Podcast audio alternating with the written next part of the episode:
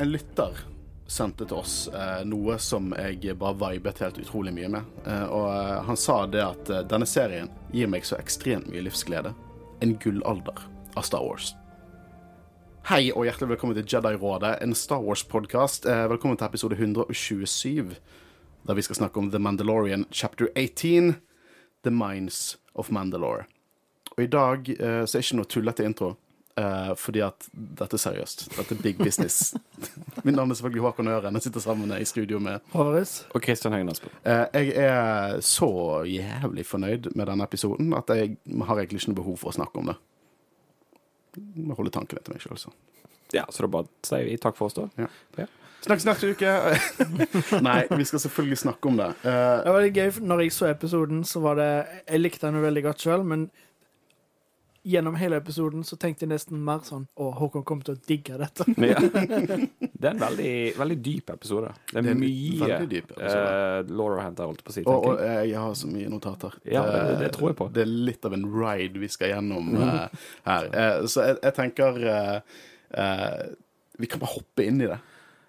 Ja. Ja, altså kan jo vi nevne det at vi klarte det, gutter. Vi klarte det. Vi har 200. Vi har 201, faktisk. Oi, oi, oi. Vi har oi, oi. 201 ratings på Spotify. Gøy! Eh, så da blir det oss på meg og Håvard, ikke sant? Ja, skal vi gjøre noe i helgen? Kristian? Ja. Kan vi velge sted også? Det, den der eh, sånn, hvis- restauranten ute på sjøen der du liksom må ta båt til, Den som eh, inspirerte The Menu. Det er ja. Nei, men tenk sånn, Hvis du kjøper en treretter til meg, jeg kjøper en treretter til Håvard, så kjøper Håvard en treretter til deg. det høres ut som en sånn Pelly Motto-taktikk, for å være helt uh, ærlig. Ja, Men jeg må, jeg må bare nevne én ting, og det er at det er så synd vi ikke får dekket det akkurat nå, men vi skal. Jeg har sett den siste Bad Batch-episoden. Ok, så vi skal ikke spoile noe For noe? Nei, nei, vi skal ikke spoile. Nei, nei, nei, jeg skulle bare si Oh my god, den var bra. Ja, den var det er det eneste jeg vil si. Jeg skal ikke, jeg skal ikke, gå, onsdag. jeg skal ikke gå noe mer ut av det, men men er. Den onsdagen var bare konge Star Wars-dag. jeg, liksom Jeg klarer ikke å sove fra tirsdag til onsdag. Åh. Men eh, den, var- den var sykt bra. Jeg vil bare nevne det. Ja, men jeg er helt enig. Eh, Den var helt konge. Ja. Jeg håper du har ikke kommet der ennå. Nei, jeg har vært i Oslo eh, på konsert, så jeg har ikke fått sett den ennå. Ja, var, det kon- var det en god konsert? Ja, veldig god. Det var King Gizzard and the Lizard Lizard. Hva var det? King Gizzard and the Lizard Wizard. Du Ja. tok det nesten. Det var, for å si det sånn, De spilte 13 sanger, men de holdt på i to timer. Ja, det overrasker meg. Du har vist meg LP-er der ene siden av LP-en er en hel sang. Nå er jeg bare nysgjerrig, og må jeg spørre. Navnet, har det en betydning? Uh, de har snakka om det, men de har bare egentlig eneste de har sagt, er at de angrer på at de kalte seg det. Ja, eh, jeg syns det er kult navn, jeg. Eh, Men keep it coming. For det at uh, når vi får 300, så skal Christian kjøpe meg og Håvard en bil. så så Og igjen, tusen takk til alle som har sendt. Jeg, jeg synes det Det er jo bare tall. Det er jo bare tall, men det betyr mye for oss. Det betyr veldig mye. Ja, eh, og vi eh, setter utrolig mye pris på dere som driver og støtter oss. Og jeg si, vet hva, jeg er litt stolt av oss, gutter. Er det. Liksom, hvem skulle trodd, når vi startet dette i, i 2019, at vi kom til å være her? 200 ratings på Spotify, det er, det er kult. Jeg syns det er kult. Jeg er stolt av oss, jeg er stolt av våre lyttere, og jeg er glad i alle sammen. Eh, men eh, kontakter Du finner oss på Spotify, iTunes, eh, Instagram, Facebook, TikTok til tider. Twitter en sjelden gang i måneden. Uh, men uh, du finner oss der. Og eh, tar kontakt. Send inn spørsmål, eller bare en melding, eller konstruktiv kritikk. Vi elsker å høre fra dere, og vi merker jo at dere har mye å si på disse Mando-episodene. Og det er utrolig mange gode, og mye som er sendt inn. Alle er gode, men det er utrolig mye sendt inn denne episoden, så jeg måtte gjøre en hard jobb og på en måte finne ut hvilke vi skulle ta med i lytterinnlegget vårt vi skal ha på slutten av episoden. Men vi leser alle sammen, og vi setter kjempestor pris på alle sammen. Men nok om det. For vi skal snakke om The Mandalorian, chapter 18, The Minds of Mandalore.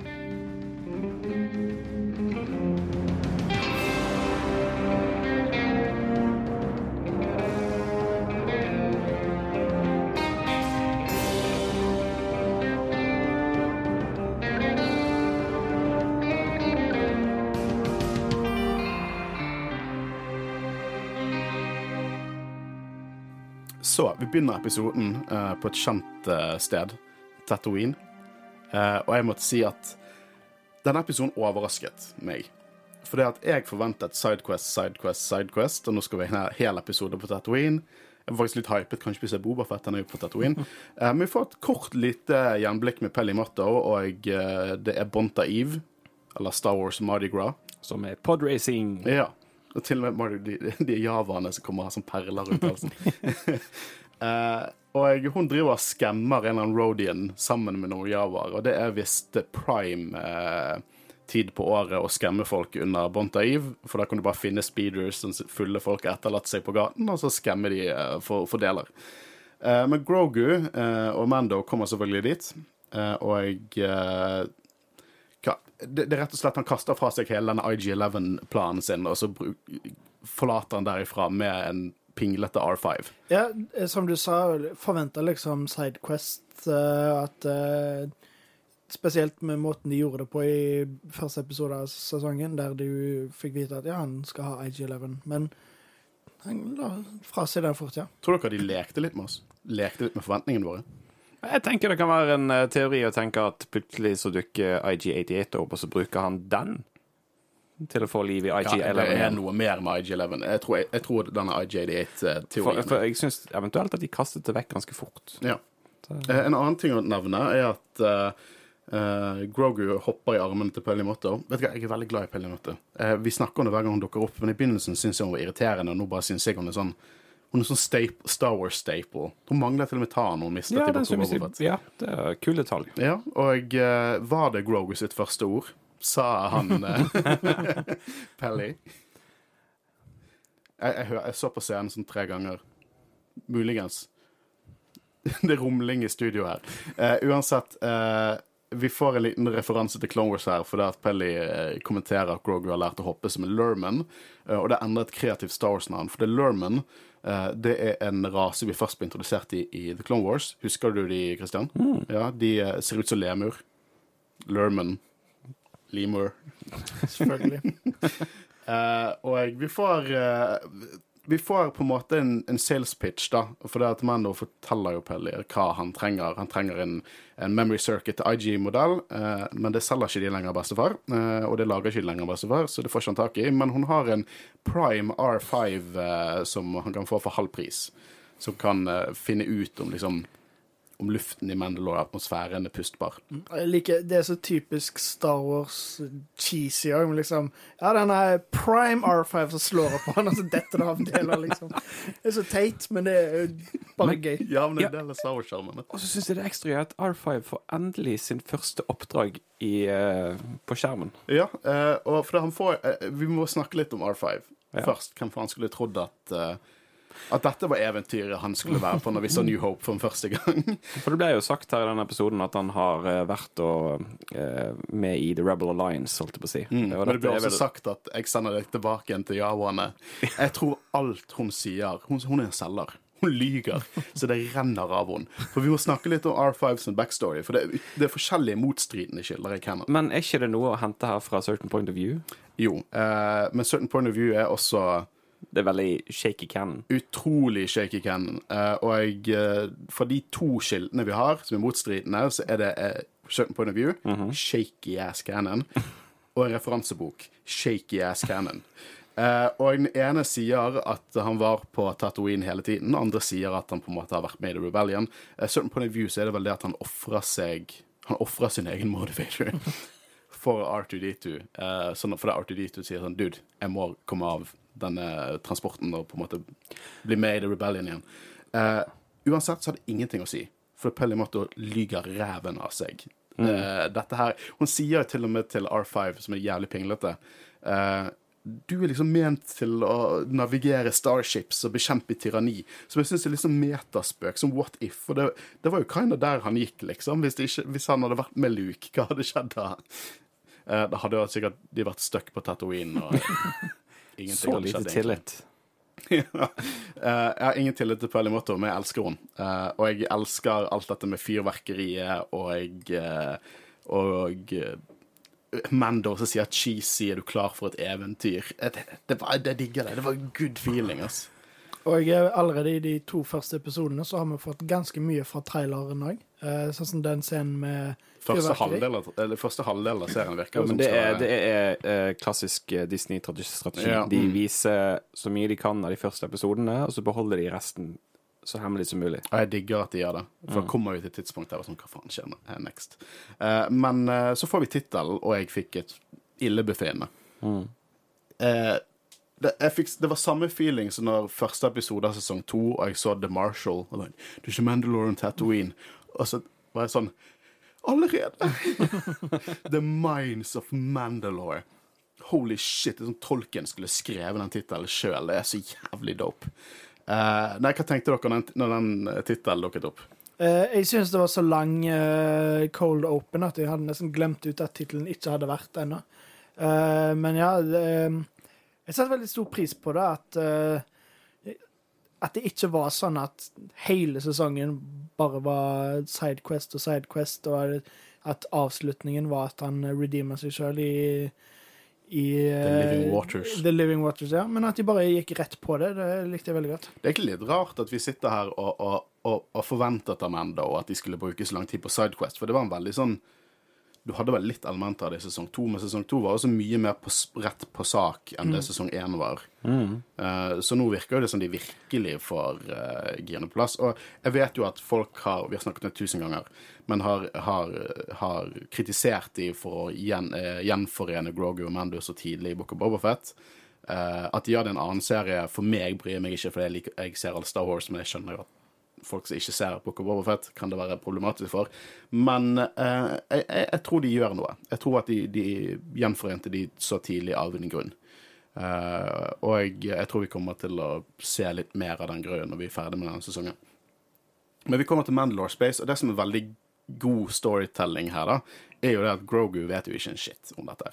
Så både Boketan senere i episoden og Mando bruker mye tid på å forklare historien til Mandalore, som er egentlig en ganske eh, clever måte John Favreau har på en måte fått inn litt sånn fortell til de som ikke vet. Eh, akkurat som i uh, første episode, når han snakker om skipet og liksom de forskjellige tingene. Det, det gir mening at han forteller det til Grogu, men det er òg kjekt for oss å på en måte kunne se sånne små øyeblikk, hvordan ting faktisk fungerer i Star Wars-universet. Og vet du hva som traff meg i blodpumpen, Christian? At ting fungerer med drivstoff.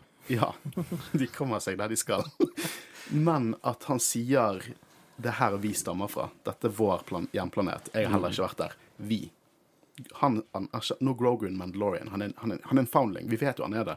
Men bare Han er en Mandalorian. Det er en klan av to. Det, det Mudhorn-klan. Det, det er bare Jeg digger det. Og jeg, jeg digger Grogu i hele denne episoden, fordi at jeg har aldri følt at Grogu var så mye sin egen karakter. som Ikke bare det, men òg Jeg vet ikke om de har lagd en ny uh, dokke, eller bare bruke det på en god måte, men både ansiktsuttrykkene og måten han beveger seg på, for han er jo en del ute av den der podden sin Det er måten han liksom hopper på og går på. Det ser så bra ut. Eh, Apropos se bra ut. Um, jeg tenker ikke lenger på The Volume Det ser man da nå. Nei, de, gjør, de får det skikkelig bra til. Ja, men den der svære, episke følelsen. Jeg tenkte ikke en eneste gang jeg så episoden at dette her er Volume. Nei. De hadde virkelig fått det til. Eh, og jeg lurer, Vi har jo snakket litt om det, det er omdiskutert, sant? med Kenobi, der det var litt sånn shaky til tider. Jeg, jeg tror bare disse folka vet hvordan uh, de jobber med det. Eh, vi må ikke gi en shout-out til hun som har regissert episoden også. Jeg håper en av dere har navnet i hodet. det er cinematografien til eh, cinema, Cinematographer fra Black Panther. Eh, Rachel et eller annet. Eh, la meg bare snakke litt Mandalorian dere mens vi ser finner ut av dette her. Uh, lik, likte fortsatt at uh, R5 fortsatt er en pingle, fordi når de kommer ned uh, det, Først må vi bare snakke om når de kommer ned. Det er en skikkelig stilig scene når liksom først eh, kommer ned til skikkelig storm og sånn, og så plutselig kommer de under skyene, og det er sol og Filmatisk til de grader. Big Hollywood, big movie budsjett, liksom. Eh, Rachel Morrison heter hun. Eh, og jeg synes at hun gjorde en fortreffelig jobb. Denne episoden er også skrevet av John Favreau. Jeg tror han er mye mer hands on på skriptet denne gangen enn han var i sesong to. Eh, for det virker som han har skrevet hver episode.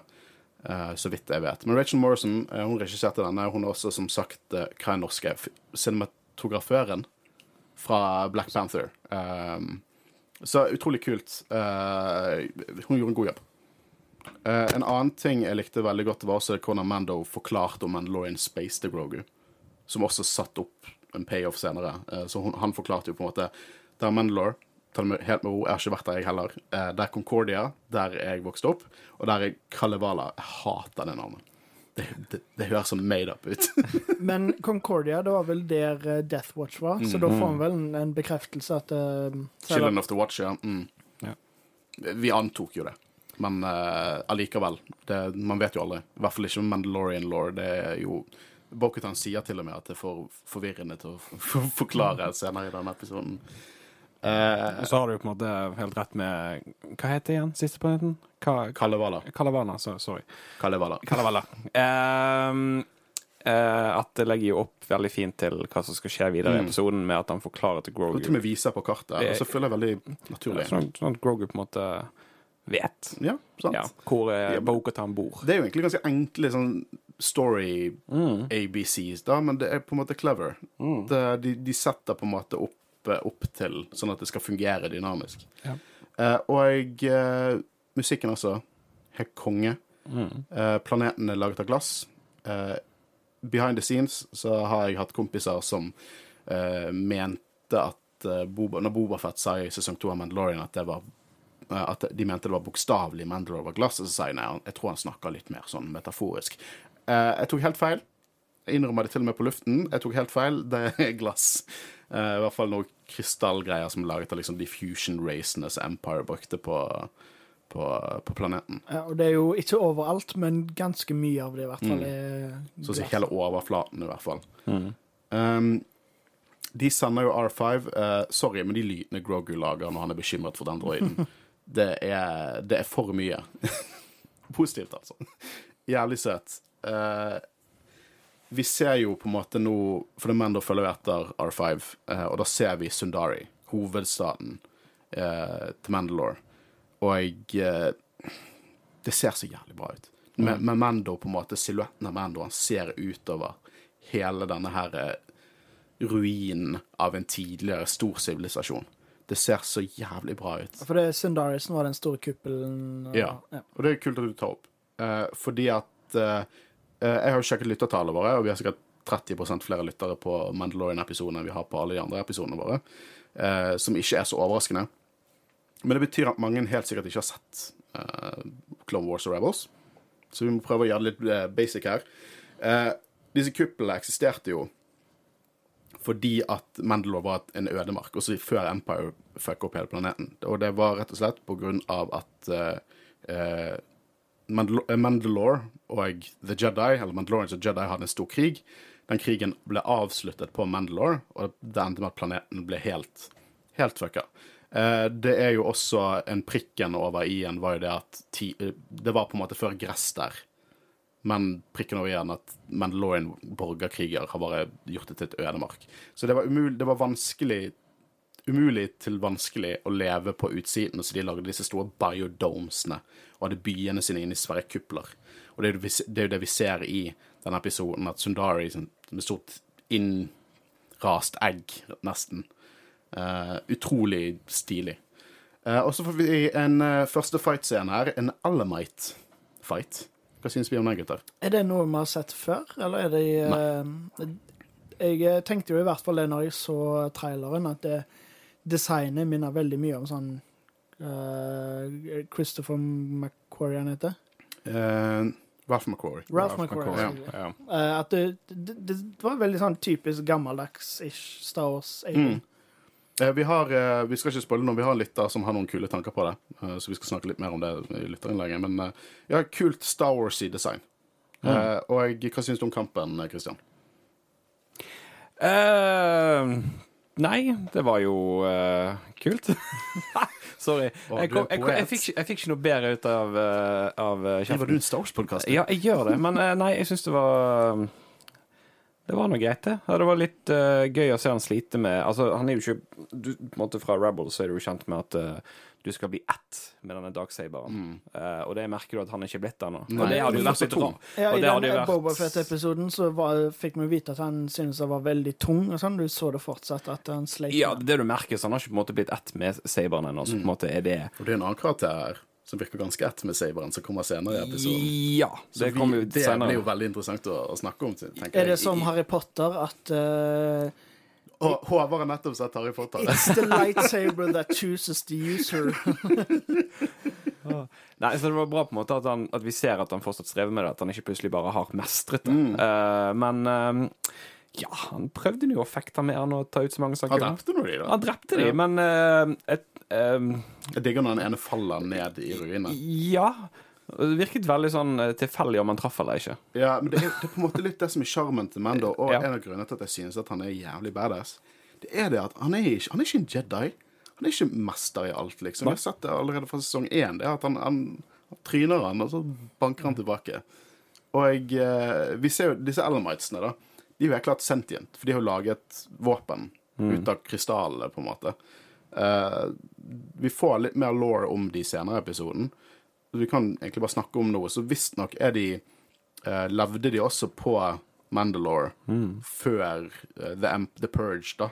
Og de levde da ute i Wasteland, som Bokhatan snakket om. Og de, de spiser visst mennesker, det er ikke noe problem for de. Men sentient er de. Det var litt sånn jeg skulle researche her. Så jeg, jeg bruker alltid Wikipedia bare for å sjekke synopsisen til episoden. Sånn i tilfelle jeg ikke har glemt noe storygreier. Og da ville jeg bare gå ned på listen over uh, alle sånne creatures som var med, og så fant jeg ikke de under creatures, for de var registrert som sentient. Så da fant de under karakterer. Uh, så det er interessant. Jeg, jeg nekter å tro at vi får veldig mye dybde om de, men det er et interessant design. Samme med de der uh, krokodilleflyvetingene som er der nede. Krokodilleflaggermus. Krokodilleflaggermus. Ja. De er glad i krokodiller denne sesongen. Eh, de kommer jo fram til at atmosfæren er breathable, da, at de redder R5, så uh, Og så får han på en måte en sånn, hva skal du kalle det, åpenbaring at ah, Boba Fett Nei, Boba Fett. Bo-Katan was right. jeg har det problemet ofte, så tenker jeg mer Ja, på Boba Fett. Ja, men Bo-Katan uh, was right. Eh, absolutt. Så det, det er en pustbar atmosfære. Eh, og da drar jo de dypere ned i Sundari, og her er det sånn, her er det bare disse Clone Wars-feelsene. Vet du hva? Jeg husker tilbake igjen eh, når sesong to av Clone Wars kom ut, og da må jeg innrømme at jeg hadde ikke fulgt så mye med på Clone Wars. Jeg var en sånn, i tenårene mine, og så var det litt sånn Nei, jeg likte ikke Clone Wars så godt. Og så bare så jeg tilfeldigvis på YouTube at det var sånn intervju med Dave Filoni og Bringing the Mandal... Nei, det var IGN-artikkel, tror jeg. Eh, the Mandalorians are returning to Star Wars. Og da var det en artikkel om at nå skulle det være Mandalorian-episoder, og da var det Pre-Visla og Concordia og første Mandalore-arken i Clone Wars. Eh, og det førte jo til at det ble flere sånne arker, helt til liksom den første siegen av Mandalore, da med, med med Darth Maul og Pre-Visla som overtok Mandalore. Eh, og jeg får så utrolig mye sånn tilbakeblikk når jeg ser dette. her. Det er nesten sånn Jeg, jeg føler de besøker områder vi så i de episodene. Til og med Ja. noen shots ser identiske ut. Ja, altså det er mye, mye historie som mm. skjedde der nede. Altså, sist vi så det, var vel uh, i uh, når Soka lette etter mål, for eksempel. Ja, i Siege of Mandalore. Ja, Ja. er- Kronologisk i Rebels, da, men ikke som, da var det mer på utsiden. Men ja. Så det er ganske mye det du sier, at når, du, når de er der nede, så tenker du over alt som har skjedd, for du har sett dette her før, på en måte stedet. Og så ser du hva som har skjedd med det. Og jeg synes på en måte det samme som du sa i sted, at designet de har gjort på det, og se hva det har blitt til, det, det er så stilig og kult Det gir gjennomført. så utrolig payoff. Ja. Det er så utrolig payoff. Eh, for at liksom Man The Mandalorian er på mange måter en sånn sequel-serie til Clone Wars og Rebels i mitt hode. I hvert fall til mye av Mandalorian-greiene som ble satt opp der. Darksaber, Sundari, Boketan, alt dette her. Det kommer tilbake inn til Mandalorian, og jeg føler på en veldig organisk måte. Eh, så jeg synes at det er det er nesten litt sånn trist å se, for vi har sett denne sivilisasjonen. Vi har vært med å oppleve denne sivilisasjonen, og så nå ser vi hvordan den er der nå. Og til og med i undergrunnen. Det ser helt identisk ut. I hvert fall for mine øyne. Det er der vi så Maul og The Moldalorians i Siege of Mandalore drive og planlegge. Det er utrolig bra gjennomført. Det, det, og det, det er ikke en eneste gang jeg tviler på at det jeg ser.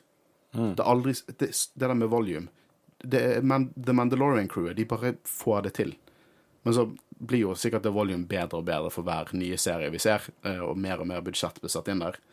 Eh, og spesifikt når jeg snakker om på en måte minner for Rebels, når han finner den ødelagte Mandalorian-hjelmen eh, Du har ikke kommet der ennå, Håvard. Men det minner om Heroes of Mandalore-arken for Rebels. Du husker det når, når The Empire hadde dette nye våpenet som var laget av Sabine, og, Ja. og alle de hje- slitte, ødelagte hjelmene. Bare, det bare minner utrolig mye om det, og det er på en god måte. Eh, og så ble han fanget. Og en lytter spør oss Hvem er øyemannen? Og hvem er øyemannen indeed? Ja, fordi det er ikke en droid. Det er vel noe lignende uh, Grievous, at det på en måte er en hybrid av en droid og noe Jeg skal- vesen? Jeg Eller bare er det si- Når jeg hørte lydene fra han, tenkte jeg Overlevde Grievous?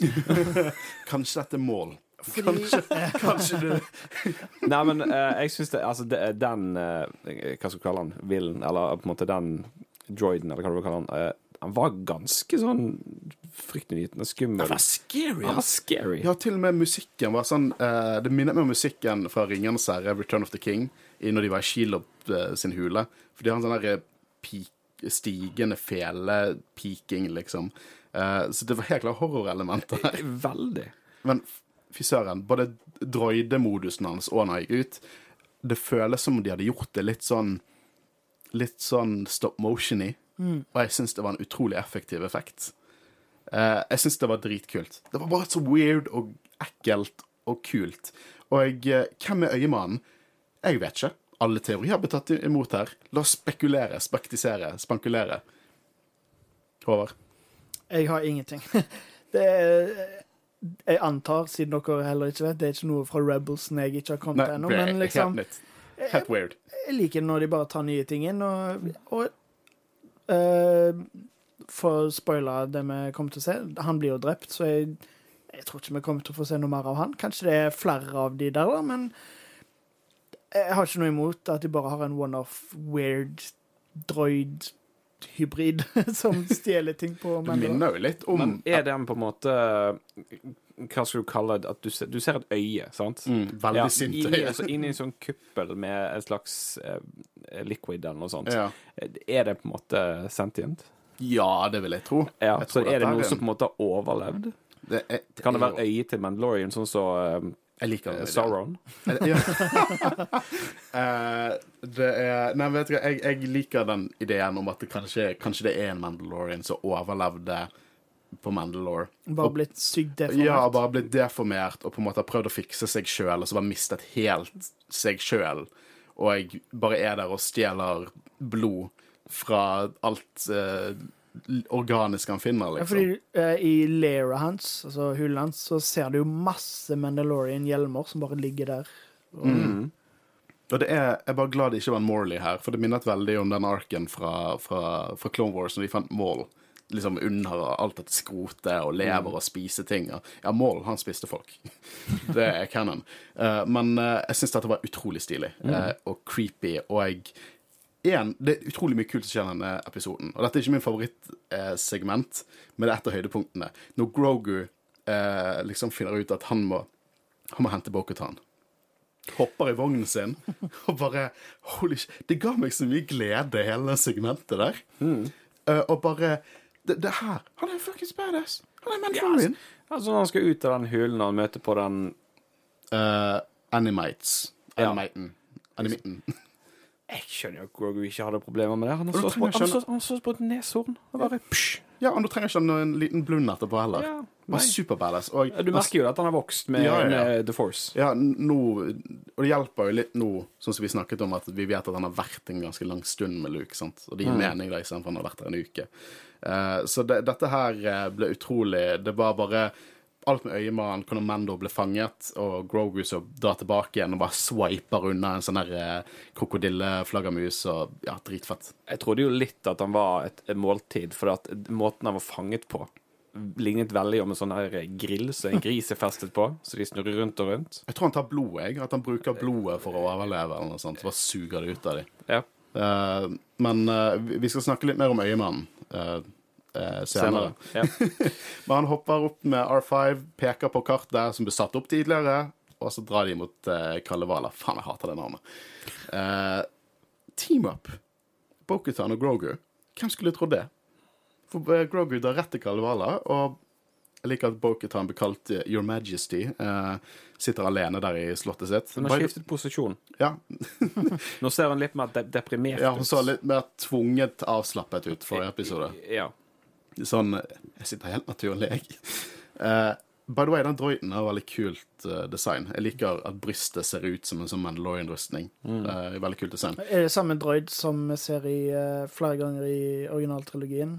Medical droiden, for eksempel, som Nei, men jeg skjønner hvorfor du trekker paralleller. litt samme fjes, i hvert fall. Ja, den, den, den er veldig statisk på den måten og lignende. Eh, men hun er jævlig lei. Hun ser det jævla skipet hans og sånn "Å, Faen heller, da kommer han tilbake. Jeg sa jo at den- du ikke var velkommen. ja, altså den setningen du kommer med, liksom, tenker jeg, har hun tenkt å faktisk knerte han? For at hun sier jo det at eh, det er på tide å eh, gjøre dette ferdig med han. Altså liksom Ja, men Bokutan bjeffer høyt, men hun er en softie for Mandalorian, og, og Grogu spesielt. For det, når Grogu er der alene, så hopper hun i action.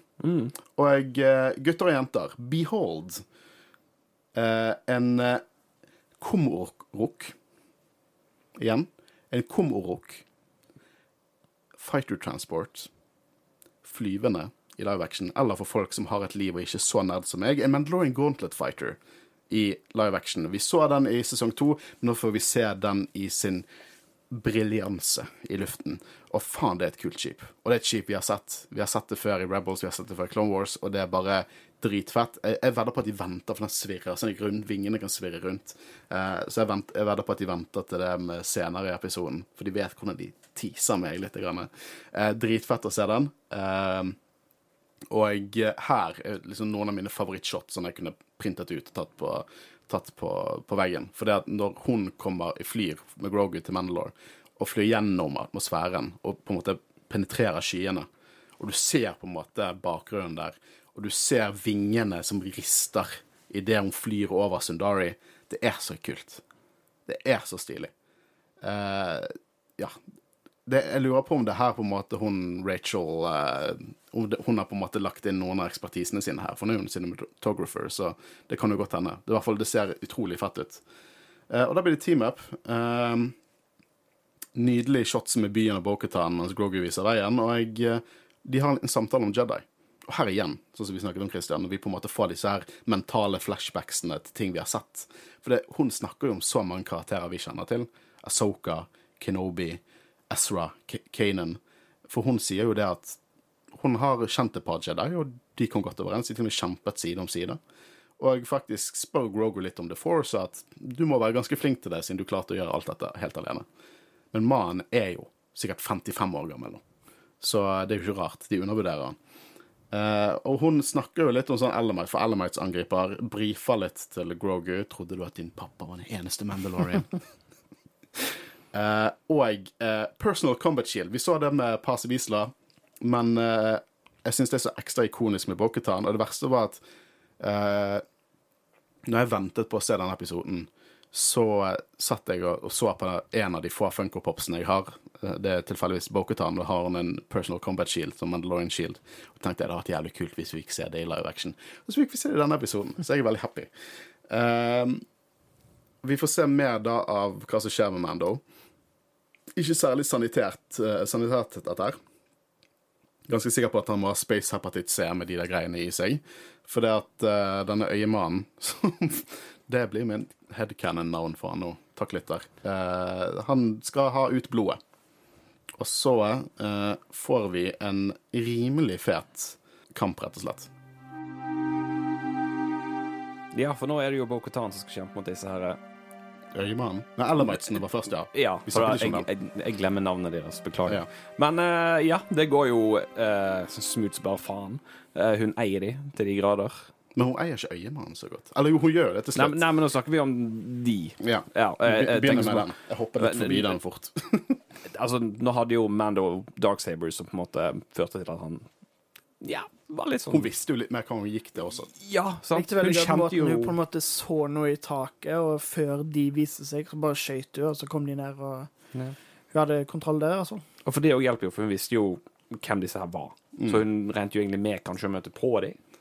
Ja, det, eller nei, hun ble jo overrasket, da. Hun sier jo, en liten foreshadowing, eh, at hvis disse har overlevd, hva annet kan ha overlevd? Ja, ja, sant. Det er sant. det er sant. Men eh, nei, det, det, det, det er kul kampscene. Mm. Jeg vet ikke hva mer jeg kan Nei, jeg vil du skal over til Øyemannkampen nå. Øyemannkampen. Øyemannkampen, den er mye kulere. Uh, og eh, Faen, den er kul. Den er kul. Veldig kul. Eh, Jeg husker ikke helt hvordan han startet. Det eneste jeg husker, er når Bokutan ser Darksaberen og tar han i neven. Husker du det akkurat som du har ikke kommet til over? Det er akkurat sånn uh, Sabine tar Darksaberen. Ja. Ja. ja.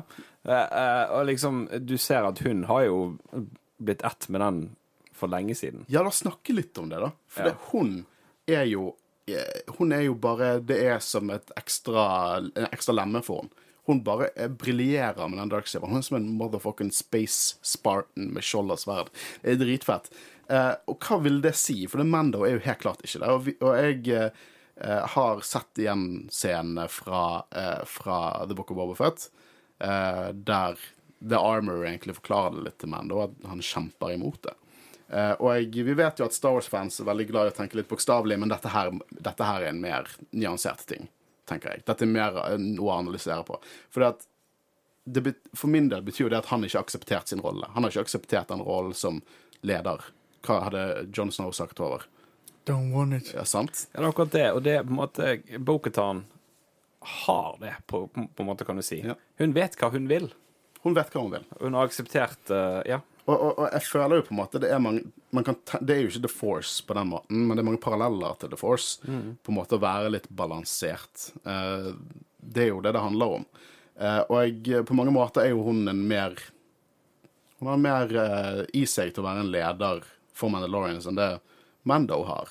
Men hun har også noen mangler som jeg tror Mando kan, kan fylle opp. Eh, for jeg tror denne episoden handler veldig om det praktiske versus det spirituelle. Og det kan vi gå litt inn på senere, for det går vi, vi får jo en sekvens på slutten som er veldig spirituelt på, på en måte dette med å være Mandalorian. Men jeg syns det er interessant, uh, og det er kult at de viser oss det. De, de har jo vist oss at Mando fortsatt strever med The Dark Saber i denne episoden, og at hun ikke gjør det av en grunn. Eh, så det er utrolig stilig. Um, jeg vil også snakke litt om den der force, eller elektriske staven til øyemannen. Eh, fordi at dette her tar jeg helt sikkert ut av ræven min. Eh, men du husker i, i Rebels, Christian. Håvard, du vet. Du har ikke kommet der ennå. Hvor mange ganger har du brukt den i dag? Jeg tror det er sånn fem ganger i dag. Eh, men eh, Hvor vil du?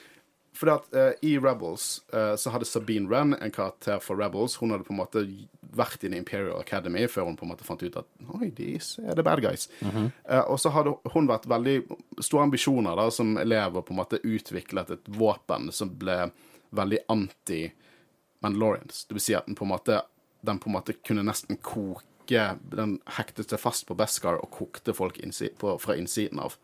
Ja, det, det er vel på en måte derfor hun på en måte var exile Eller ikke exile, men Ja, hun bare vil Hun ja. ja, hele, alt dette med Mandalorian for henne var sårt. ja. Eh, men jeg liker å tro at dette er miniat... Eh, sånn At dette er sånn deler av den teknologien. Kanskje han har scavenged et eller annet. ja. Hva syns du om den tanken? Jo da, for all del, ja. For det, hun, hun blir veldig uh, hun, uh, hun blir jo veldig sånn påvirket av det. Litt sånn som vi ser i Rebels, at de på en måte blir veldig satt ut av det. I Rebels er jo det så ekstremt at hvis den er sterk nok, så bare pulveriserer han rustningen. Det, det er jo ikke det som skjer her. Men eh, det, var, en- det var en kul spektisering, da, eh, tenkte jeg. Eh, det lille hodestuntet han gjør, da begynte jeg å fnise. Som Ja, en liksom, liten unge. nå har jeg drept han. Og så piger det meg snik i øyet seg ut. Veldig The Thing, følte jeg. Ja, ja, ja. Eh, og når hun, den der knetingen hun gjør, når hun bare slider på kneet sitt og tar sverdet opp i magen da, til denne her roboten. Hele den scenen er ganske kul. Uh, fightingen er awesome. Men uh, så et spørsmål om det å på en måte overta The Dark Saber i combat. Fordi uh, Din Djarin dreper jo aldri Moff Gideon, men allikevel så vant han over han i combat og tok han. Så teknisk sett eh, Din tapte jo combaten mot øyemonsteret. Og så, Øyemannen. Øyemannen. Og så drepte Bokhatan øyemannen. Så du har jo teknisk sett øyemannen fått The Dark Saber, Du- og nå har Bokhatan fått Dette, The Dark du er sånn Elder One-shit i hodet ditt nå. Ja, det var- faktisk akkurat det jeg tenkte på, liksom fordi For å spoile en gammel eh, bok i Harry Potter, eh, så er det jo det at eh, Draco Malfoy, han, eh, han disarmer humlesnørr. Derfor er det teknisk sett han som er, er eieren av The Elder One. Og når Harry uh, disarmer Draco, selv om det ikke var The Elder One Draco hadde da, så er det Harry som er den rettmessige eieren av The Elder One. Så er det noe lignende her. Uh, hun gir jo den tilbake til Dinjarin når han har våkna opp igjen, men Jeg, det, det, jeg jeg vet ikke, du har sikkert svar på det. Eller er det jeg, jeg, så- Har ikke svar på det. Nei, men jeg tenker jo som så at det, det har iallfall ikke noen effekt på om at Mando og Bokutan på en måte hver for seg Hvordan de greier å håndtere Darkstaberen. Det går, det går inn på Kyberkrystallen. Mm. Og det, det liksom Jeg skal ikke se bort Jeg må si at jeg har ikke tenkt på det, Håvard, men jeg skal ikke se bort ifra at hvis det nå viser seg at det er Bokutan som blir Mandalore, at det er en forklaring de gjør, for du har jo helt rett. Det er jo det som skjer. Ja, altså, det er jo, det er jo Ja, det er faktisk det som skjer. Ja, det er det Så som med mindre hun er så opptatt av tradisjoner og sånn at hun føler at hun må beseire Din Jaren uh, for å få han, Uh, og ikke bare på en teknikalitet, liksom. Hun ler jo litt av tradisjoner nå. Det er jo det, hun er jo lei av det. Uh, men betyr det på et lite tidspunkt så var øyemannen klar til å bli Mandalore? Altså, Vi har jo spekulert i om han var en Mandalorian. Så, ja, eh, sant. Men, Eh, men eh, hvis dere har noe å si på denne her kampscenen, så nei, det er, det er Jeg synes det var kjempekult. Ja, Ja, dritfett. Ja. Uh, jævlig kult, for å si det sånn. Uh, men det er noe mer som skjer her, da. For at, nå er Mando reddet én av to ganger i denne episoden. Eh, og Bokutan uh, vekker han, da, med litt uh, pog-soup, eh, som ennå ikke vet hva er. Jeg likte veldig at Grogu på en måte driver og ser på den suppen hele tiden, for han er jævlig hypet på den suppen. Eh, men hun mener jo det er veldig ironisk, for dette er ganske standard militær ration for uh, Mandalorian, så at han ikke vet hva det er. Da, da, hun håper han ser ironien i det. Det er ikke så rart med tanke på at han, han var jo en foundling, så han var jo ikke opprinnelig en Mandalorian. Og han ble redda av eh, Children of the Watch, som sikkert ikke gjør alt på samme måte. poengterer egentlig bare litt det at alle disse men, liksom, det, er ingen, det er ingen sann måte. Det er ikke en én fasit på å være Mandalorian. Det er så utrolig mange forskjellige Og denne Pog-supen representerer jo bare en liten del av det. liksom. Det at det som er definisjonen til Children of the Watch, er ikke definisjonen til eh, lojalister, er ikke definisjonen til Bokhatan sine Night Owls osv. Jeg tenker, I forhold til det vi har snakket om nå med eh, Bokhatan og Dagsaberen og Mando og Dagsaberen, så tenker jeg kanskje denne episoden skal illustrere at eh, de er ment for å regjere sammen. Og du shipper de, du. Du er en av de. Ja, jeg skulle ikke se bort ifra det. Hun eh, liksom Jeg tror Grogu hadde akseptert henne som en, eh, en mamma. Så Det er en fin Din. Jaren er the prince who was promised. Ja, Bokotan er egentlig tanten til uh, Din Djarin. Vi drar veldig mye sånne paralleller. Ja, vi gjør det. Vi gjør det. Uh, jeg vet ikke, no, Noe sier meg at disse to, uh, disse to folkene her jeg bare, jeg bare ser ikke på de som Jeg tror, jeg tror de, de, de har litt for mye going for at de har lyst til å hoppe i, i køy sammen, for å si det sånn. Eh, de er litt mer sånn quest-oriented uh, at the moment. Du skal ikke utelukke det, i hvert Jeg fall. skal ikke utelukke det. Jeg trodde jo ikke Ray og Kylo skulle bli en ting. Men så, Nei, så kan man ta. Men eh, nå har jeg bare et spørsmål når jeg nevnte Prince. Fordi hun snakker jo veldig mye med Grogu om at ja eh, Eller kanskje det er nå de nevner det, men liksom at hun var en prinsesse. eh, og sånn. Mm. Men i Clone Wars så er det jo en Det er vel en slags president eller noe sånt. Ja, ja. Har de hatt sånn Civil War? Er det derfor hun ikke lenger er en prinsesse, eller hvordan er det? Du stiller de riktige spørsmålene. Jeg kommer tilbake til det.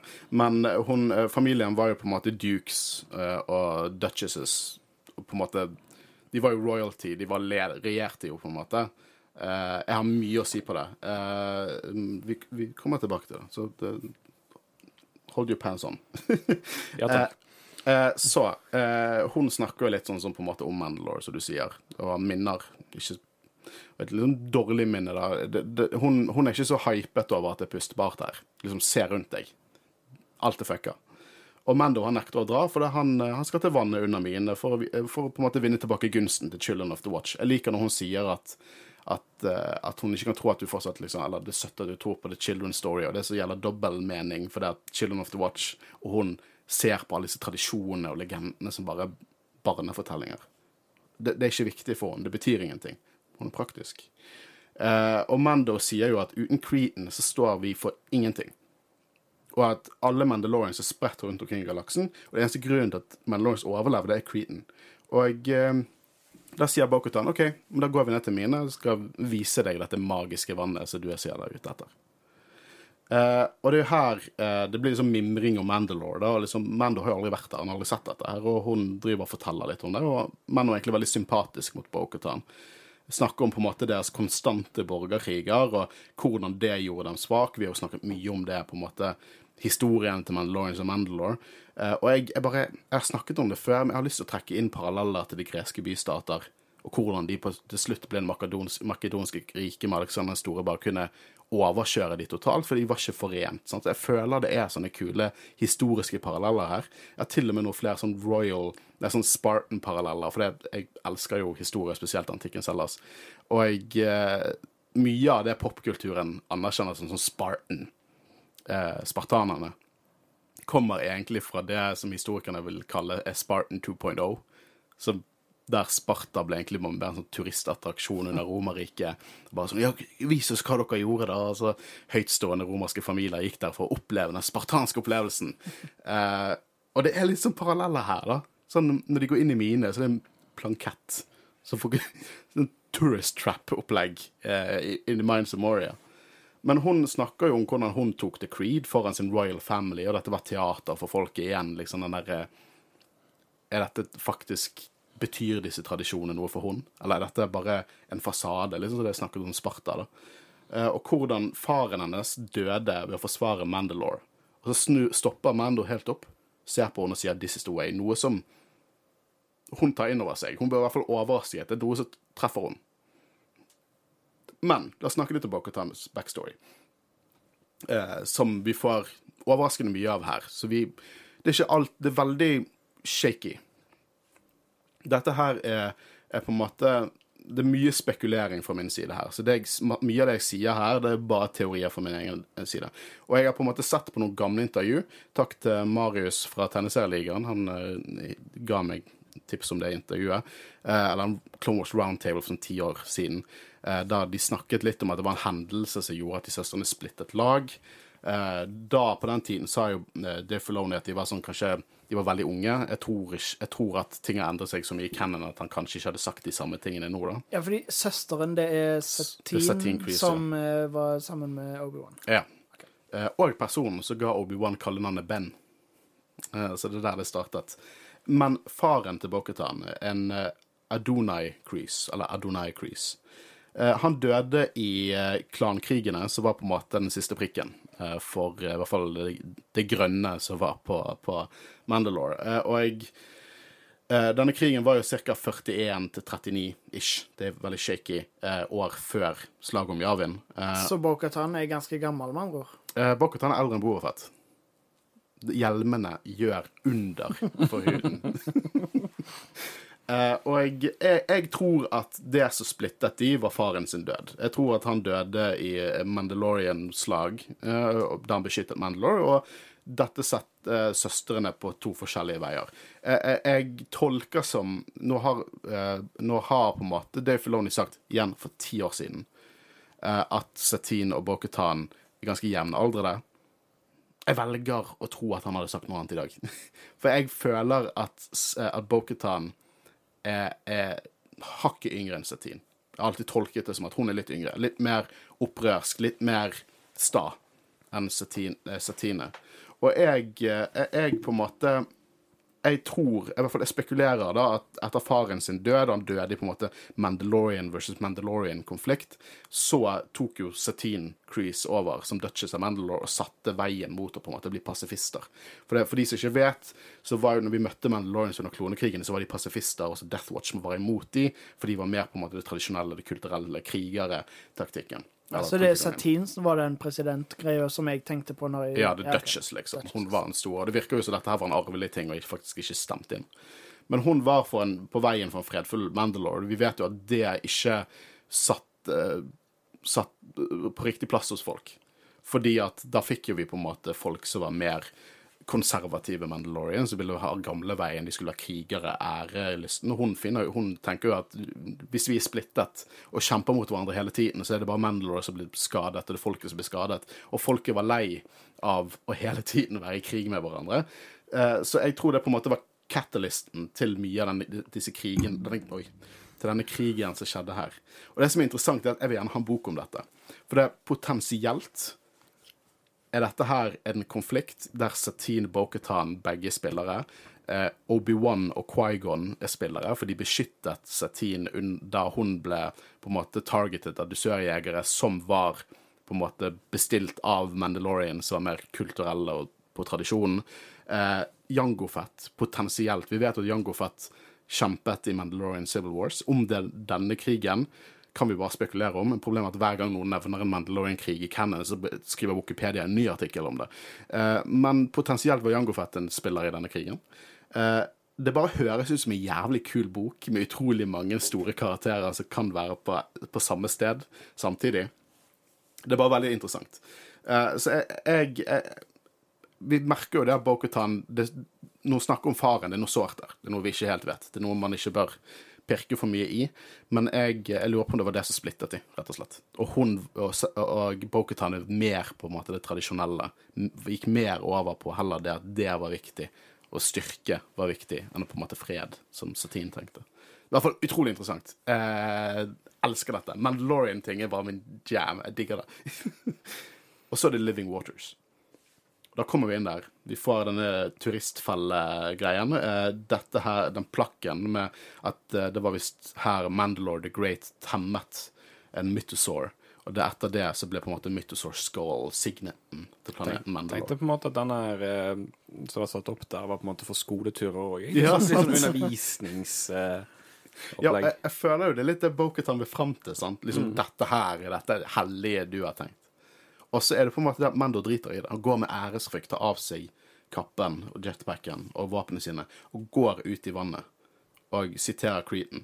Og det er bare en skikkelig dyp scene. Du ser det treffer Boketan. Hun stopper helt opp og på en måte reagerer på det, og så blir han dratt under.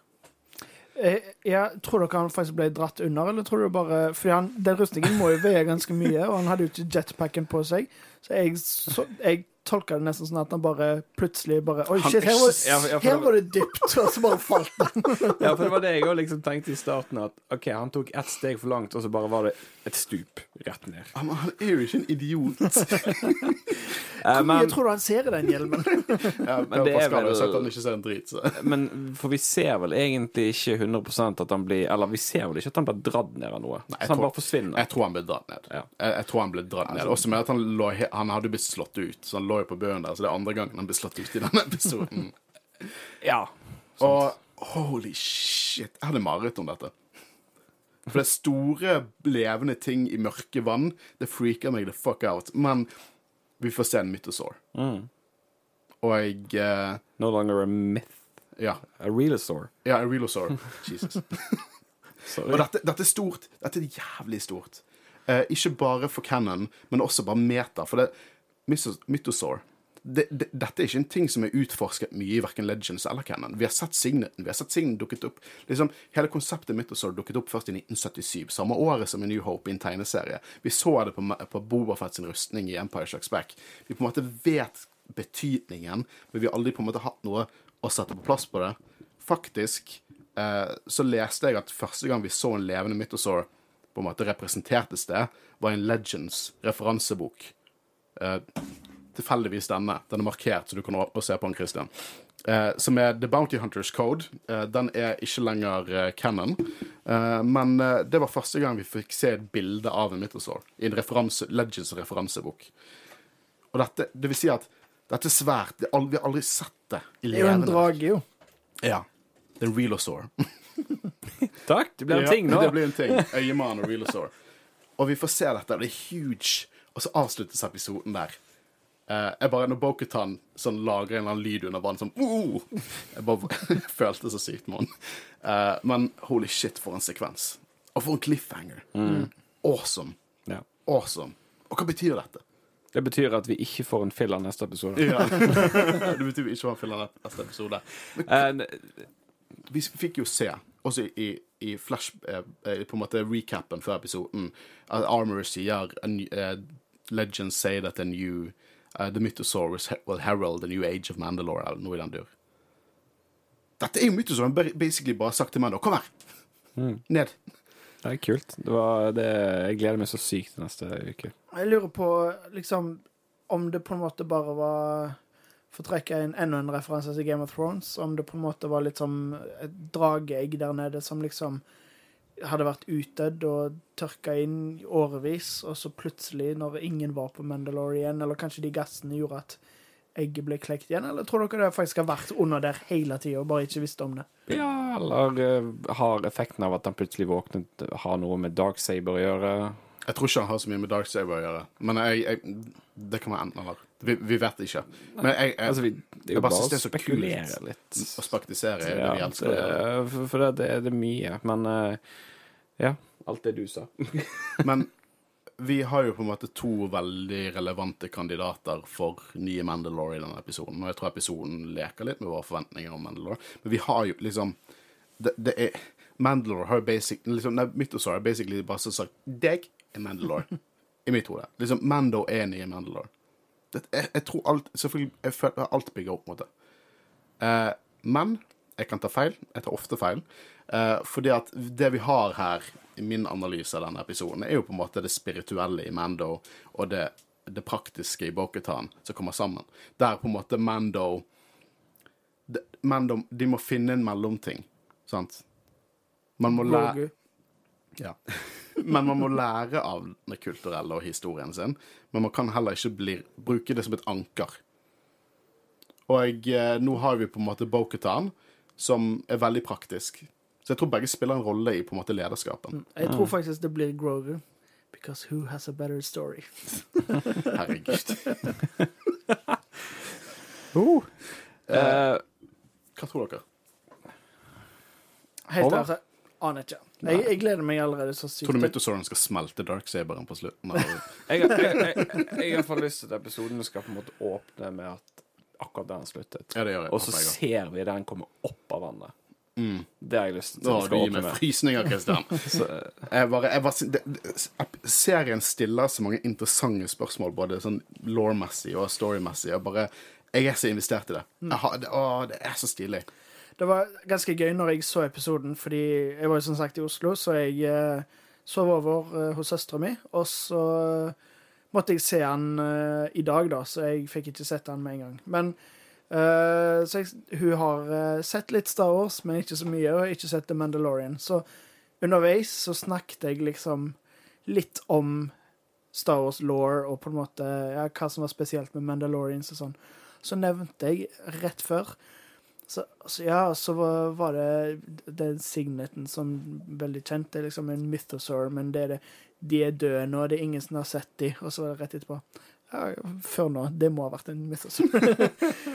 um, ja, jeg aner ikke hva jeg skal forvente av uh, videre. Jeg gleder meg så sykt. Men jeg elsker det at vi er så thrown on loop her, at vi forventet at det skulle være slutt av sesongen, og nå Jeg tenker at vi så en mythosaur. Ja, det er, Bare- det er bare helt det er dritkult. Ja, det er helt sinnssykt. Og det er liksom, det er en så ikonisk Star Wars-ting. Og Det er derfor jeg føler nesten det sånn, det er nesten en legende IRL, liksom The Mythosaur. Uh, og ikke våg at noen tar feil og kaller det en Bantha-skål igjen, for det, at det har folk gjort. Kalt det en er ikke- De har ikke, de har ikke bilde av en space Q på rust- rustningen sin. Det er en Mythosaur.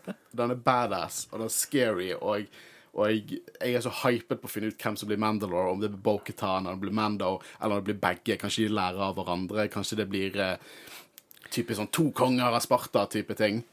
Konge og dronning. Kanskje de sjekker opp. Hvem vet? Kanskje det blir en fin liten familie med Grogu i midten.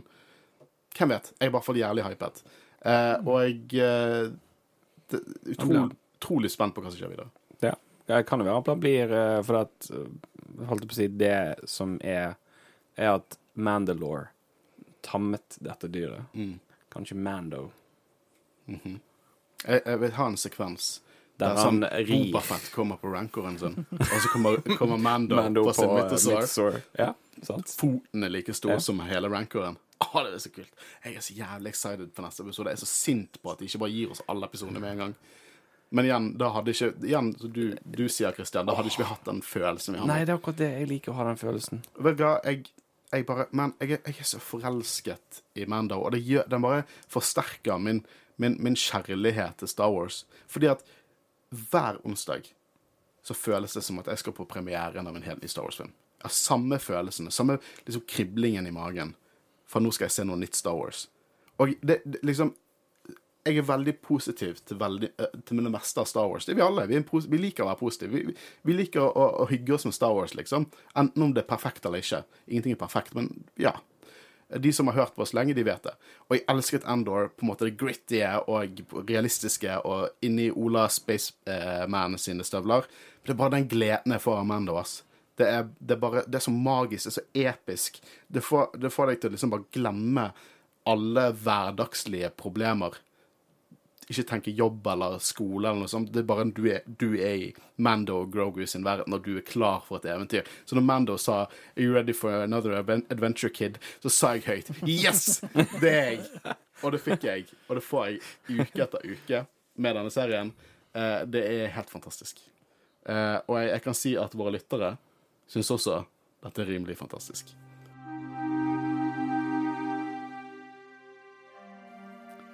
Første kommentar. Fikk ikke med meg noe i Bad Batch fordi jeg tenkte på en nydelig fin mythosaur vi så. Ja, og det er jo bare å si igjen Vi skal ikke spoile noe for et Bad Batch, men det var også en nydelig episode. Eh, så Gleder ikke til. Jeg, jeg gleder meg til å se den.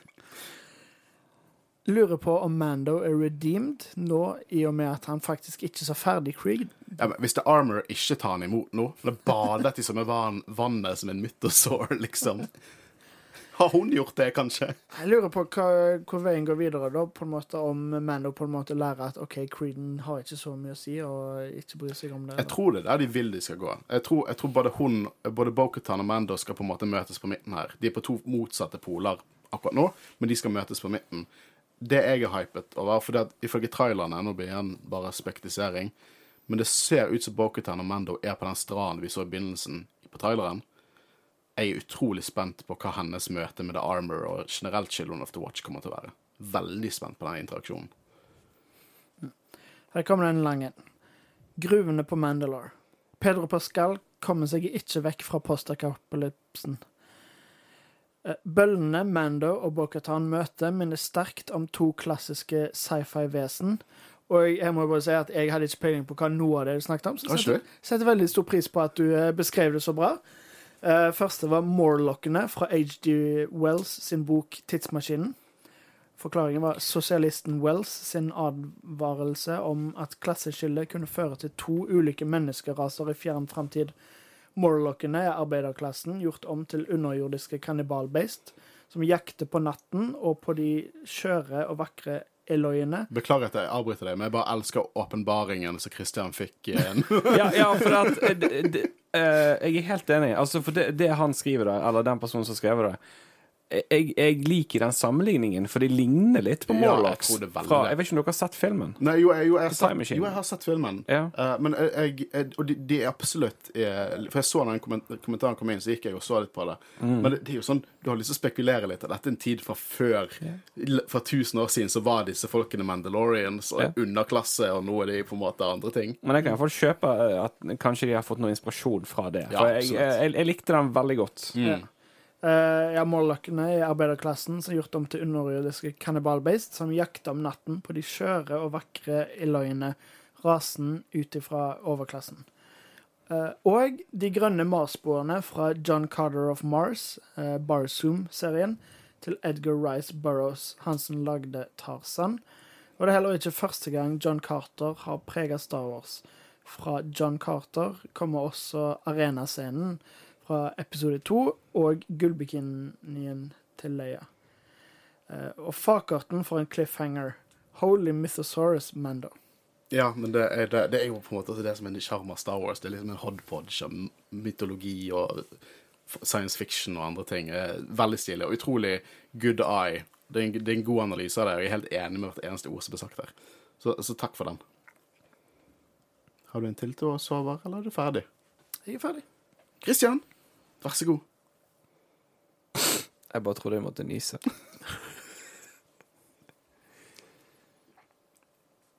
uh, ja. Dank Farrick. Så bra dette er. Eneste jeg savner litt, er kanskje en tydeligere antagonist. Jeg syns det var litt interessant. Savner dere en tydeligere antagonist? Eiermann var jo kongen. ja. ja, men jeg tenker litt sånn Jeg føler ikke at vi alltid trenger en, en, en klar antagonist. Spesielt ikke etter, eh, etter sesong to, der vi hadde Moff Gideon, eh, som var veldig klart en big bad. For vi har en big bad som kommer, det, garanterer jeg. Men denne sesongen tror jeg er mye mer på eh, karakterene Ja, og Mer indre konflikt Indre i konflikt. en måte og identitet. og identitet. sånn. Mm. Eh, og jeg føler det passer eh, veldig godt. Det er sånn Hvis det hadde vært en big bad som hadde ødelagt alt for dem nå, så hadde jeg følt heller det, det hadde irritert meg. Jeg liker at de tar seg tid her. For at mange av de feteste øyeblikkene i denne episoden er jo bare Bokutan og Mando som snakker. Uh, og det, det er veldig stilig. To direkte Hobbiten-referanser med Mando som blir grillet på bålet, og øyet til dragen. Ja. Jeg vil si at det er en Ringenes herre-referanse der også. For det at hvis ingen tenkte Balrog når, eh, når Bo-Katan sier 'jeg lurer på hva annet som har overlevd i dypet', eh, det er jo eh, Det er jo vi, vi visste jo Vi har jo spekulert at, at vi kom til å se en Mythosaur. Men det er fortsatt utro, det var utrolig value å faktisk se den. Liksom, jeg visste det. Jeg visste det til og med i denne episoden at vi kom til å se en Mythosaur, spesielt når Bo-Katan sa det. Det var, åh, impacten der, ass. Det er sånn en av de gangene du stiller deg sjøl det spørsmålet Hvor var du, Christian, da du så han midt og så. uh, deilig episode. Mye action og spenning. Synes til tider det var litt for mørkt og eh, vanskelig å se hva som skjedde på skjermen. Det er kanskje bare meg, men det sugde litt. Ja. Ja, det, det, det har jo vært omdiskutert. Mm. Uh, det, har, det er ganske mye moderne filmer og TV der det faktisk er for mørkt. Og House of the Dragon og Kenobi er i min bok store syndere på det. Og jeg har hørt at det skyldes rett og slett av at kameraer er blitt så gode nå at de kan plukke opp lys på en annen måte, så derfor er det mer vanlig å spille inn i mørket. For før, i gamle filmer, så det de gjorde, var at de spilte inn på dagen, og så la de bare på et sånn skikkelig mørkt filter, og nå var det natt. Og da kunne du faktisk se ting, for du så jo skyggen fra solen og alt mulig er sånn. Jeg foretrakk det, jeg. Eh, mens nå kan de faktisk spille inn i mørket, men det som gjør, skjer da Og uh, hvis vi går veldig filmteknisk, så ofte de som uh, redigerer sammen ting, de sitter inne i et mørkt rom på, med skjermer og sånn til tusenvis av kroner, så de ser det greit. Men med en gang det kommer i en stue med kanskje litt lys og ikke så gode TV og sånn, så ser vi det rett og slett ikke sånn som de skaperne ser det når de redigerer. Jeg er egentlig veldig sensitiv til det. Uh, spesielt Jeg klagde jo mye over det i Kenobi. Uh, jeg synes at dette var, det var mørkt. Det er ingenting å si på det. Og det vet at det andre Det har vært omdiskutert på nettet at det var for mørkt. Uh, og jeg merket jo det, for jeg så den litt når det var lyst ute, og da på en måte har vi dessverre ikke blackout-gardiner bak, bak oss når vi ser på TV-en. Så da merket jeg at det var litt sånn mørkt, men også bygd Akkurat her Jeg så det på kveld også, så så det på PC-skjermen tidligere i dag, og da hadde jeg ingen problemer med å se noe, egentlig. Eh, så jeg, jeg tror For min del så funket det litt for estetikken, men du lytter, se det på, igjen på kvelden, så får du med deg med. Ikke at det er noe som man burde man, Alle burde kunne se på dette uansett hvilken skjerm og hvilket lys det er. Men eh, ja. Eh, Da leser videre på samme kommentaren. Ellers stiger jeg når Grogi skulle kjøre ut fra hulen, og det eneste jeg klarte å tenke, var This is podracing. Gleder meg til flere episoder med Mando, og med dere. Takk for den. Takk for den, ja. Eh, og ja, jeg tror vi kan alle si at vi, vi gleder oss jævlig mye. Irriterende mye gleder meg, faktisk. Det er det jeg ville beskrevet det som. R5. Sorry hvis jeg sa det med for lite innlevelse. Ja, men du prøvde, var Ja, jeg litt prøvde. Jeg jeg prøvde. Ja. Uh, hva hadde historien blitt hvis Luke kjøpte R5 og ikke R2D2? Han hadde i hvert fall god motivator til å dra til Mandalore. Han ble jo tvunget, da. Ja. Sånn, eh, Han var ikke så motivert. når, eh, når de faktisk kom der, og han, Mando sa ja, gå ned, og så bare snur han seg og vil ikke. It wasn't a, it wasn't a question, og så bare trykker han på en knapp og sender den der. Og så 'Don't be a baby'. Det er, det er ikke akkurat den dialogen jeg forventer skal komme ut av den badass-hjelmen. Men ja. Jeg skal si når han ble satt av skipet til Mando, så syns jeg han kjørte ganske fryktløst Han stoppet jo og snudde seg. Gjorde han det? ah, OK, da. Sorry. Litt uh, dårlig hukommelse der. Um, awesome å se Mandalore i live action. Utrolig god episode. Plottet kjører på i ganske greit tempo. Synes man så hint til håp i øynene til Bokhatan. Kommer hun til å følge Din Djarin og samle alle sine gamle følgere under hans lederskap? Grogu kommer til å bli en Mandalorian. Det er jeg ikke i tvil om. Hei, Grogu er en Mandalorian. Det er ikke jeg i tvil om. Men ja, jeg, jeg, jeg, jeg tror jeg håper litt mer på at, at Mando blir Mandalore. Jeg bare, jeg bare Jeg digger litt den der eh, Jon Snow-viben han har, og uh, He Don't Want It. Og de som på en måte er best egnet for å lede, de som ikke vil. Så det er utrolig spennende å se hva de, de gjør med dette. Jeg er også sånn Jeg bare uh, Stars Explained, jeg snakker mye om han. Uh, han hadde en teori om at liksom kanskje Bo-Katan og Mando og Bobafett alle kommer til å være liksom en del av lederskapen. Jeg tror ikke Bobafett bryr seg så mye, egentlig. Men jeg tror han kommer til å være om en alliert eller en viktig faktor av det. Det tror jeg. Jeg tror Bobafett spiller en større rolle i alt dette her enn det vi er klar over. Men uh, det blir interessant å se hvor veien går videre. Absolutt. Ja. Eh, det var dine lyttere, det. Har du flere lyttere? Nei, det var meg. Nei, det er deg. Hei, Jedi Råd, en Star Wars-podkast. Hei. Eh, The Minds of Mandalore. Kul episode. De første fem minuttene var bare slitsomme, men så fort de forlot Tatooine, var det bare glitter og glede. Det var nå litt glitter og glede på, på, på Bonta Eve, må jeg si, da. Eh, interaksjonen mellom Din Djarin og Bokutan er virkelig en driver for hele serien. Hun er ikke helt lett å lese. Hun leter hele tiden etter en måte å vinne tilbake Darksaber på, men virker samtidig genuint glad i, inspirert av og kanskje til og med villig til å ofre seg for Din Djarin. Tror kanskje begge deler er sant, og Mando med glede og lettelse ville tapt et Darksaber til henne. PS. Bokutan med Darksaber skjønner ikke helt mekanismen som gjør den til Mjølnir i Mandos hender, men Morgos, Mo- Morgoth, Moses og Marka Ragnos nice touch, som hun er, er Thor med hammeren i den analogien. Eh, ja. eh, where to begin? Eh, jeg vet Nei, jeg ikke syns det er litt artig med tanke på at når Grogu reiste til Kalevala. Takk. Um, at uh, vi fikk den setningen om at hun var i ferd med å knerte han. Og så plutselig, nå er hun på vei for altså, Jeg tror ikke hun faktisk hadde gjort det. Jeg tror hun bare skulle gi han en, en, en air, liksom bare Get the fuck away from me. Men uh, jeg, jeg, jeg vet ikke helt om hun er helt der på å vinne tilbake Darksaberen. Jeg tror, jeg tror hun har gitt hele greien litt opp, og hun egentlig får mer håp nå ved å se Mando. Eh, så jeg, jeg, jeg tror absolutt at, uh, at de begge har en stor rolle å spille her. Ja, for jeg tror det som blir viktig for henne, tror jeg på en måte er å prøve å samle og se om det går an å gjenreise folket. Ja. Men hun må også få håpet tilbake, for hun har ikke det. sant? Nei. Og Mando er kanskje den personen som gir henne håp. Og det var jo på en måte det vi snakket om når hun ser Mando gå ned. Kanskje hun på en måte ser at det er et lite håp? Mm. Jeg vet ikke. At dette kanskje er en person som er verdt å følge. Ja. Selv om han, slår seg, han blir slått ut to ganger i hele, i hele denne episoden.